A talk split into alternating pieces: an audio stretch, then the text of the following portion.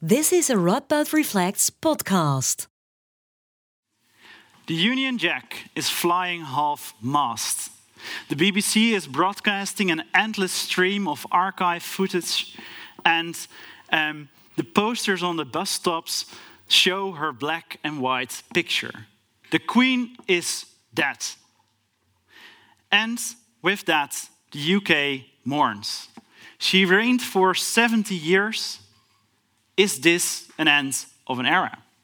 We are going to discuss this question today with two scholars specialized in dynasties and kings and queens.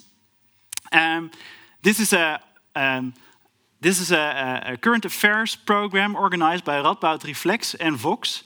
I'm Adriaan Duiveman uh, from Radboud Reflects, and um, I will lead this, this conversation. First, we will have a conversation over here, but at the end, you can ask all your questions you have, and I think it will be plenty. We will discuss the British monarchy, its long past, its long future, or not. We will hear that, uh, I think, in the coming half hour. So, I will first introduce the speakers. On my right hand, on your left, um, Dr. Dennis Kersten, literary scholar and Great Britain expert. On my right, or on your right, uh, uh, Dr. Dries Raeymaekers, uh, historian studying dynasties and monarchy. And I will begin with something I saw on uh, the BBC this morning a long queue for the uh, coffin of the, of the Queen. People standing at the end of the line there will have to wait for 30 hours. You are our university's Great Britain whisperer. You can maybe climb in the, in the psyche of these people. Why are they standing there for 30 hours? Good question. That's a question I'd like to uh, ask them myself, of course. Um, 30 hours. Uh, yeah, I think that is because the passing of the Queen and all the media coverage have led to a kind of hype. Uh, and perhaps people are uh, in need of some kind of escape route uh, with all the news that has been engulfing us recently with uh, wars in other parts of Europe, uh, energy crises. Uh, we're, we're, just sort of um, uh, recovering from the COVID period, etc. So um, I can understand why people would focus on uh, this story about the Queen uh, and would want to go to the Westminster Hall to pay her a final visit, but to stand there for 30 hours. I, Yes, that is a psychologically interesting question. and, and you mention it as you said, say that it can be an escape for, for the Brits, but why can the, the death of a monarch be an escape? Um, well, from all kinds of other concerns in society, and uh, Britain does have a few concerns. Um, um, Brexit, obviously, uh, and perhaps the, the impact, uh, impact of Brexit uh, so far has been smothered by COVID and other uh, crises. Um, so, yeah, I can see why they would feel a need to escape in a, into another story. Uh, so, there's enough to actually deal with. Uh, and I also hope that the, this particular story doesn't overshadow the other concerns or events happening. Um, so for the new prime minister, it must have been a disaster to, on the second day of her new job, to be confronted with uh, the death of the queen. Uh, at the same time, uh, she, you know, all the spotlights were on her for a solution to all kinds of crises in the country, and, and perhaps that's now being delayed, as it were. She doesn't have to come up with a plan for the energy crisis just now. I don't. She, she has a plan, so uh, she she has more time now to to think about that too. So this is a story about the present and, and future concerns, uh, but it's also a story that is rooted in the past. As a historian, Dries, or Dr. Raeymaekers, sorry, um, how do you watch and read the news as a historian? What do you see when you see this Operation London Bridge unfold? Yeah, well, as a historian, I'm having a field day, of course, right? This is a, a gigantic um, uh, moment uh, for everybody interested in, in, in, in, dynasties and in monarchy. Uh, so in that sense, I'm, I'm really enjoying myself actually. Uh, which is a terrible thing to, to say. But, uh, for me, of course, the important thing is, is the ritual that surrounds the entire event, uh, the protocol that's now starting up, and, and, and just being able to finally see, because the last time was quite a while ago, um, uh, um, a royal um, burial, and of course, I'm, I'm, I'm, very anxious to see the, the coronation, which will probably happen in, in uh, I would say, maybe half a year or maybe a bit later. Uh, I'm, re I'm, really uh, looking forward to that, actually, to be able to finally see what I've been studying uh, -huh. all these years now, and then to experience it in the flesh, as they say. Yeah. So, so you're actually seeing the past? Are we seeing an historical reenactment here? Well, I think we're, we're certainly uh, seeing um, a ritual that, um, in its origins, is you know ages old, uh, and I'd be very curious to see how they're going to adapt certain parts of it in order to um, to sort of try and um, um, um, basically to try and, and see how they can sort of um, answer the, the, the, current problems and current uh, concerns uh, and perhaps give a reply to that true ritual. And what kind of concerns are there? Well, I, um, I think that one of the, the, the, main ones is, of course, how is the monarchy going to deal with all the accusations now of you know the imperial past? Mm -hmm. um, I, I, think they're going, going, they're going to have to do something about that um, or at least address it in some form.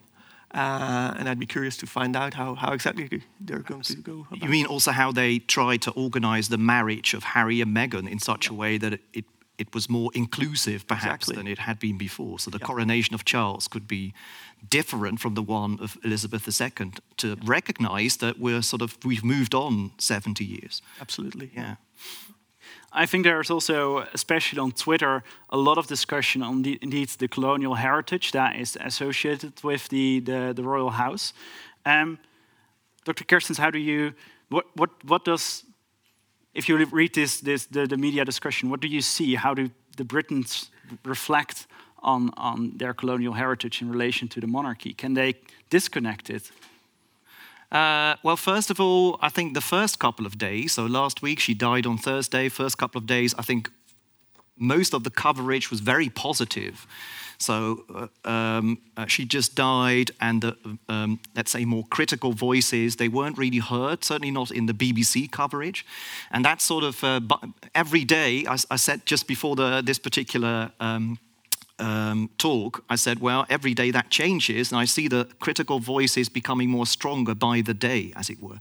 But especially from abroad, I'd say. Um, so on Twitter, uh, from India, uh, African countries, uh, Jamaica, former British colonies, there are more and more stories being told about, well, you know, you're almost like worshipping the Queen as a kind of god, but she was, in her name, uh, things were committed. Um, atrocities by uh, the British government, etc., that also need to be remembered. Uh, she also symbolized a particular system that caused a lot of harm.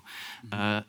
and not in person, so they're not attack, uh, attacking Elizabeth as a person, but as a symbol. She, she was the queen still when uh, Britain had colonies and were committing crimes also, and pretty close to home as well in Ireland, Northern Ireland, etc. So, um, yeah, I think those voices will become more strong uh, as the days move on in the UK as well. We are going to move to the worship element later on, the worshiping her as a god. Um, but before that, um, how do you think that they, in the ritual, can reckon with the colonial past? How can they adapt these centuries old or acclaimed centuries old traditions? Mm. Good question. Well, I'm, I'm, I'm sure they're going to have to look at, at the, the, speeches and the things that are being said uh, the oaths that are being taken, which are bound to contain some elements uh, that nowadays would not, no longer be you know, appropriate. Um, so I, th I, think they're going to, to pay a lot of attention to those kinds of detail. Mm -hmm. um, similar to what happened here in, in, in, the Netherlands, of course, with the, the golden uh, carriage. Uh, I think it's going to go um, into that direction. Okay. Um, something else that some people in the, the, British new, newspapers argue that is maybe outdated about rituals is the very religious element in it. And then you already mentioned the worshipping part. Um, the British monarch is also has the title of being the protector of the faith, head of the Anglican Church. What's the role of religion in the rituals we see the coming days and, and the rest of the year of the coronation? Um, well, I, I guess uh, of course, as you said, the, the, the, British monarch is the head of, of, the Anglican Church, so that's a very important element to them. Uh, I think the most important aspect we're going to see will be during the coronation, actually, where, where, where the, the, the, biggest moment um, will be the uh, anointing of the new king. Um, the British monarch is anointed, which means that he's being uh, uh, the, that the Archbishop of Canterbury, I think it is, uh, um, who, who, will anoint the new monarch, which basically is a consecration uh, of the new monarch. Uh, that's where the religious element comes in, and they are given their power by God, essentially. Uh, and I think that's, um, in terms of something to look, what we can look forward to, that, that will be the main event. It's also important um, to realize that this is not something they deal with lightly. Back in 1953, when the Queen was uh, crowned, uh, her coronation was one of, very of the very first televised, I think, uh, um, royal events um, in Britain. Um, the entire event was being filmed uh, but there was one thing that they skipped because it was too sacred, and that was the, the anointing. Uh, it was felt at the time that this moment, this precious moment, was too sacred uh, for viewers to be able to witness. And I'm very curious to see what's going to happen uh, uh, with, with Charles in that respect. It's interesting you mentioned the, uh, uh, the um, uh, coronation on television because the, the, the, first question, why do people line up for 30 hours to see the Queen? Um, uh, that also has to do with the media coverage, I suppose. In 1953, lots of British people bought a television to see the, the Queen being crowned. Uh, so that was the television age starting. That's how long she's been a queen, right? So now we have a very rich media landscape. Back then, people still had to buy the television. Um, so I think that's also why lots of people they salute the queen a final time. It's because they realize this is a, an historic moment, right? It's not just a, a, monarch who's been on the throne for about 10 years uh, dying, it's a, an end of an era uh, an era that started with the, the emergence of television, which to us sounds like Middle Ages. Uh, yeah. Maybe even prehistory. Um, okay. Uh, I think we are going to return to that later on. Um, first, I think I uh, uh, I want to, to in in the in the, the British royal family is also called the firm, and I, what I understood from court history or court historians, they use this analogy of, of the royal house as a corporation, even kind of not, not literally, but as an analytical tool. So for them, it's more than just a quip. Uh, and you also use it in that way. Exactly. So, how can we understand the British royal family as firm? Right, exactly. No, uh, it, this is actually an, an, an insight that's, um, that's been there um, since, let's say, the 1970s. But only recently, historians have really started to uh, work with the concept of uh, the dynasty as a, um, a business company, you could say, a, a firm that needs to um, that needs to mark its own boundaries, that needs to discuss leadership, that needs to discuss succession, that needs to discuss the management of property and assets. Uh, and in that sense, uh, they're very aware of who um, can be the CEO of such a company, which is, of course, the monarch uh, himself or herself. And then you have all the other family members who uh, get to play a role in that as well. Um, in, in, in a way, their, their main goal, obviously, is, is, to, um, is to stay on top. Uh, and that is uh, like a company that always needs to take into account uh, the money they have and to, to, be able to build on that. Uh, this too is true for, for a monarchy. They need to, be, uh, to think of strategies uh, in order to, to stay in power, you could say. And in that sense, this, a lot of the strategies, strategies they use can be compared to what happens in, in businesses today. And if we take this analogy one step further, is there competition? We already heard different media landscape. Is there something that can replace monarchy or can replace a royal family? Well, I would say dynasty is, is, is everywhere still. If you look around, you only have to think about you know the, the Trump family, uh, the Clintons, the Bushes, uh, and you could also look further afield uh, at, at, certain dictators that are, are, currently still in power. Uh, it's still all about the family, and in that sense, I think it remains an important uh, um, governmental structure to look at or, or, form of rule to look at and to study, I think. Uh, and likewise in, in, in businesses. Uh, perhaps there are people here who've seen uh, the TV series uh, Succession. Well, it's all about you know thinking of strategies. Who is going to be next in line, and who uh, who are the people that you certainly don't want uh, to take over. Those things remain important, whether in a traditional monarchy or, or, or elsewhere in society. I think. And perhaps the British monarchy itself has replaced something that went before, uh, and it's become a kind of secular religion or an institution that people use to give meaning to their lives or structure order society, have a hierarchy, etc. So um, perhaps there's there's a need for that especially, and now th that need is answered by the monarchy, but it could also be something else perhaps in the future. But that's interesting because she, she came to the throne in 1953. Uh, more than uh, 70 years almost, uh, 70 mm -hmm. years have passed. In that period, a lot has changed in the attitudes in, in Britain. Same sex marriage uh, um, uh, was legally uh, approved. Um, prejudices to, to people of, of color have changed, or less, there are less prejudices. Um, economic circumstances changed, women went into the labor force. So all these attitudes have changed drastically. But somehow the monarchy remained above the 60% approval rating over this whole period. How do you how do you understand this? How can we understand that despite all these changes, they somehow are the institution that people still believe in? Um, well, but they're also criticized a lot uh, for perhaps being behind on these kind of developments that you've just uh, outlined. Uh, I think at the end of the day, not everybody is a monarchist, of course. So, not all those people who are in that queue for 30 hours are partaking in the, the worshipping of the monarch or the monarchy, uh, but are rather uh, they are rather part of the historic moment. They realize this is, this is uh, an event, the, the, event of the year, of the century, etc. I want to be part of that. Um, so I'm not sure if the, the survival of the monarchy, the fact that it still exists, uh, means that all people who still support it are 100% uncritical uh, and feel the monarchy is really up to date on those kind of issues that we just talked about. And if I, I, might add, I might add to that, if you think about it, monarchy itself is actually a rather persistent system of government. It's been there for you know, thousands of years. Uh, and I think one of the secrets there is we always tend to think of monarchy as something that's interested in continuity, and that's, of course, its main goal uh, to, to, to stay on top.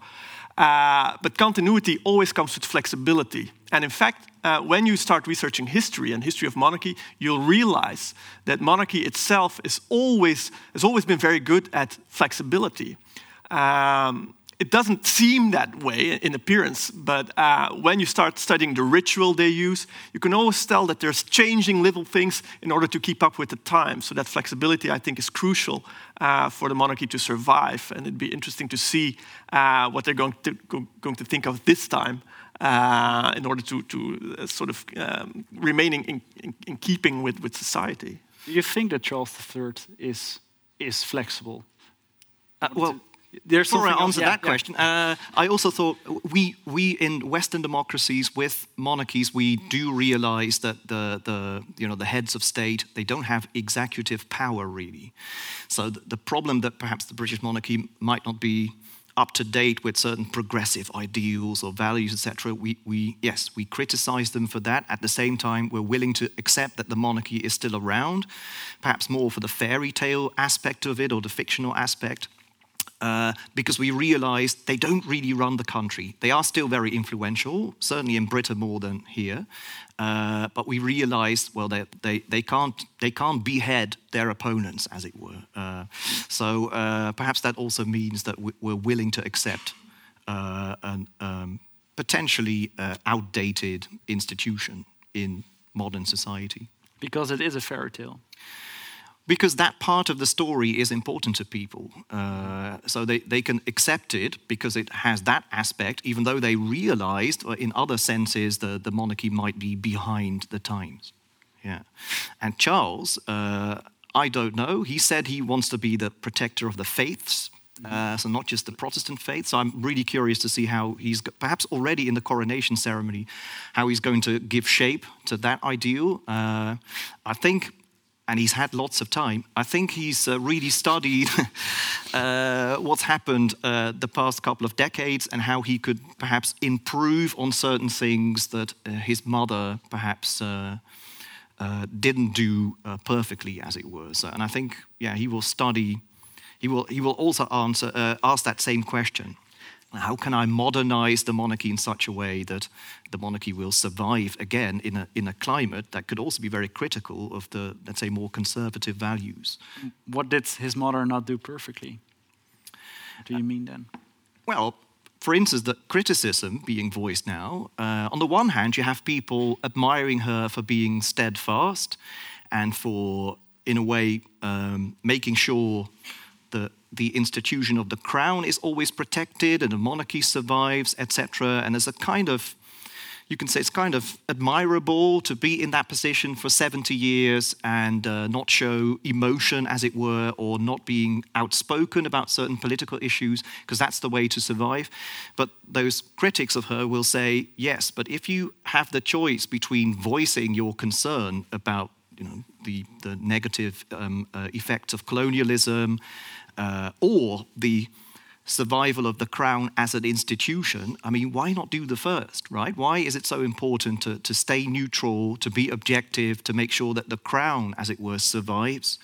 Uh, while lots of your subjects and other people in the world, they're, they're waiting for a, a, sign from you that you don't condone certain, let's say, uh, actions of the, the governments that are being formed in your name. So you think that Charles the, the Third is actually very tactical when he speaks out his mind. So, or that could be tactical to speak out what he what what he what, what his opinion is on on these topics. Yeah, he has done so in the past more often. Uh, so he's been more outspoken on certain political issues than his mother. Uh, and again, I'm curious to see how he will continue this as a king. Uh, he will be very careful, I guess. Uh, so I think he will also try to honor his mother by continuing her style in a way and very subtly try and modernize it. I think that's that, that's what we can expect for the, the near future. So he will, he, of course, he will try and be king in his way, uh, but it won't be a kind of revolutionary new approach. I don't think so. And I hope he will take into account all that criticism and deal with that in a, in a king like uh, way if monarchies are so good at adapting, isn't the biggest problem of the monarchy not that the monarch is a person? Shouldn't we just in the future appoint a robot or something that doesn't make un uncomfortable jokes like Charles III and uh... well, critics of Elizabeth will say we had that with That's true. It's an interesting uh, uh, thought, I, I, would say, but I think that the human element is still rather important here. The, the, the ability to be able to show empathy as a monarch, mm -hmm. the, the, ability to go um, to go to people, talk to them, um, uh, you know, show concern for the people. I think that those elements are, are very human in nature. I think that remains important uh, for a monarch. But can a monarch be too human, or can can it they also have to retain a certain kind of distance between them yes, and the, the, exactly. the, general audience. How does that work then? Well, this is actually a, a crucial element of monarchy, I think. I, I think it was uh, uh, Walter Bagehot, a 19th century scholar of monarchy, among other things, who said that uh, uh it would be wrong. I, am misquoting him here. It was something about let's not um, put daylight onto magic. Uh, there's a certain element to monarchy that is magical, that is, of course, entirely fictional. They've created a fiction. Um, and it's rather important for them that that fiction uh, remains there and that people still get to see it and to experience it. And this is, of course, something uh, that's been going on for, for ages now. It was already so in, in, in well, the early Middle Ages, uh, where the, the distance between a monarch and the subjects. Uh, is always a, an element of contention. People are trying to get closer, but it's important for a monarch to, to, to keep his distance or her distance um, because the distance is essential actually to be in order to be to be taken serious and uh, to be seen as a legitimate monarch. I, I, I think. Um, I don't know if you want to want to add to that. Yeah, I think that the, the the tension that kings and queens have to deal with is that often people want to look up to them, uh, as in they should be. Uh, uh, they should have maximum integrity, as it were, and be morally superior to us in a sense, but they shouldn't look down upon us. Uh, so they shouldn't be arrogant or snobbish uh, or take for granted that, that, they have certain privileges. That's, of course, a very difficult uh, balance to get right. yeah. Hmm. I know that uh, you're a literary scholar, historical literary scholar, you're a historian. Those types of people don't like to look in the future and predict, but I, I'm going to try to still pull it out of you. In 20 years, will there still be a British monarchy? Can I start with, with you? I think so, yes. I, I, think there will still be a monarch. I don't know if it will still be Charles uh, by that time, but I, I, uh, I, think there will still be a monarch, yeah. And, and, and why do you, what, what, what makes it well, because history has proven that monarchy is a very persistent system, uh, and you know, if if you don't want monarchy anymore, you start you have to start thinking about alternatives. And I'm not sure that UK right now is, is prepared to, to, uh, to start that discussion. Um, so I'm, I'm, I'm, i think they're going to stick to it. Until the, the next Oliver Cromwell stands up and beheads the knows, queen. Yeah. queen. Um, what do you think? Uh, I agree. I think uh, the British monarchy is part of the, the psyche of the UK, so part of their national identities. That's a whole different story, but more so than in the Netherlands, I'd say. Uh, so if they get rid of the monarchy, they get rid of a kind of self-image, and that's harder to do, as it were. Uh, but I have to admit, a few years ago, I thought that Brexit wouldn't be possible. So. Um, 20 years' time is a long period. I was actually hoping for William to become uh, king uh, last week, uh, but of course they have to then uh, ask Charles to step aside. That's not going to happen, obviously. It hasn't happened. Uh, but yes, I think there will be a, a monarchy still. Uh, I do wonder about the countries that have Charles as their head of state uh, outside of the UK, as part of the Commonwealth, if they will still have the British monarch as their head of state in 20 years' time, because this would be the moment to become a republic. And they've had those, uh, Australia, they've had those discussions before, and there is a kind of momentum to, um, to speed up that particular debate. Uh, so, yeah, that'll also be interesting to see. So, he will still be a king, but less of a king with less countries. I think so. Yes. Okay. Hmm. And as I said, you both study history. Um, this is also hard to ask a historian whether you can learn from history, but can Charles III learn from any predecessor? Uh, is there another Charles he could learn from? well, Charles the First and Second. I yes, yeah. Well, if, Charles the First. If I were, were, were the new king, I would definitely not look at Charles the First as an example, uh, for the simple reason that he was beheaded uh, in the end, and that didn't end well for him. Charles the Second can, in a way, I think, um, be an example in the sense that he was very popular. Uh, he loved to party. He had all kind. Of, he had a very brilliant court. Um, and, and, and he, of course, reintroduced in, British, in, in, English society at the time a new sense of, of, of possibility after a very dark um, uh, revolutionary age. Um, so perhaps in that sense, he, he, he could take an example uh, there. Um, if I had to choose a monarch that, that Charles could, could look at, uh, I would say go for Elizabeth I, who also reigned for a very long time, uh, who became one of the most powerful uh, um, monarchs of her uh, of her time. Uh, and in that sense, I think you know, that would be a good example.